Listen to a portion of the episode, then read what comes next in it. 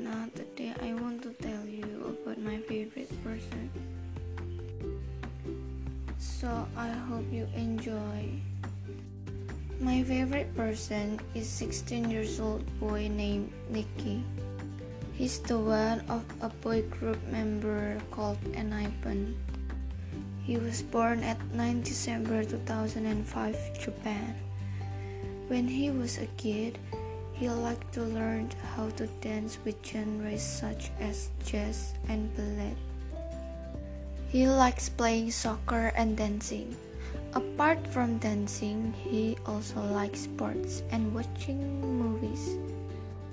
He was a trainee for 8 months.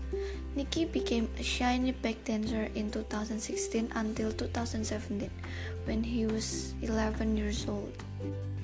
And in 2020, he officially became a member of the new boy group. Nicky with his group win a Daesang in Mnet. He really likes dumplings. Nicky can remember dance move in just 10 minutes. The things he doesn't like are waking up and insects. He always dance, dance, and dance. His motto is Dance is life.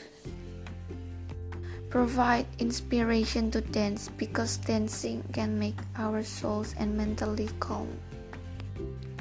Thank you, Miss Lana, for listening to my favorite person.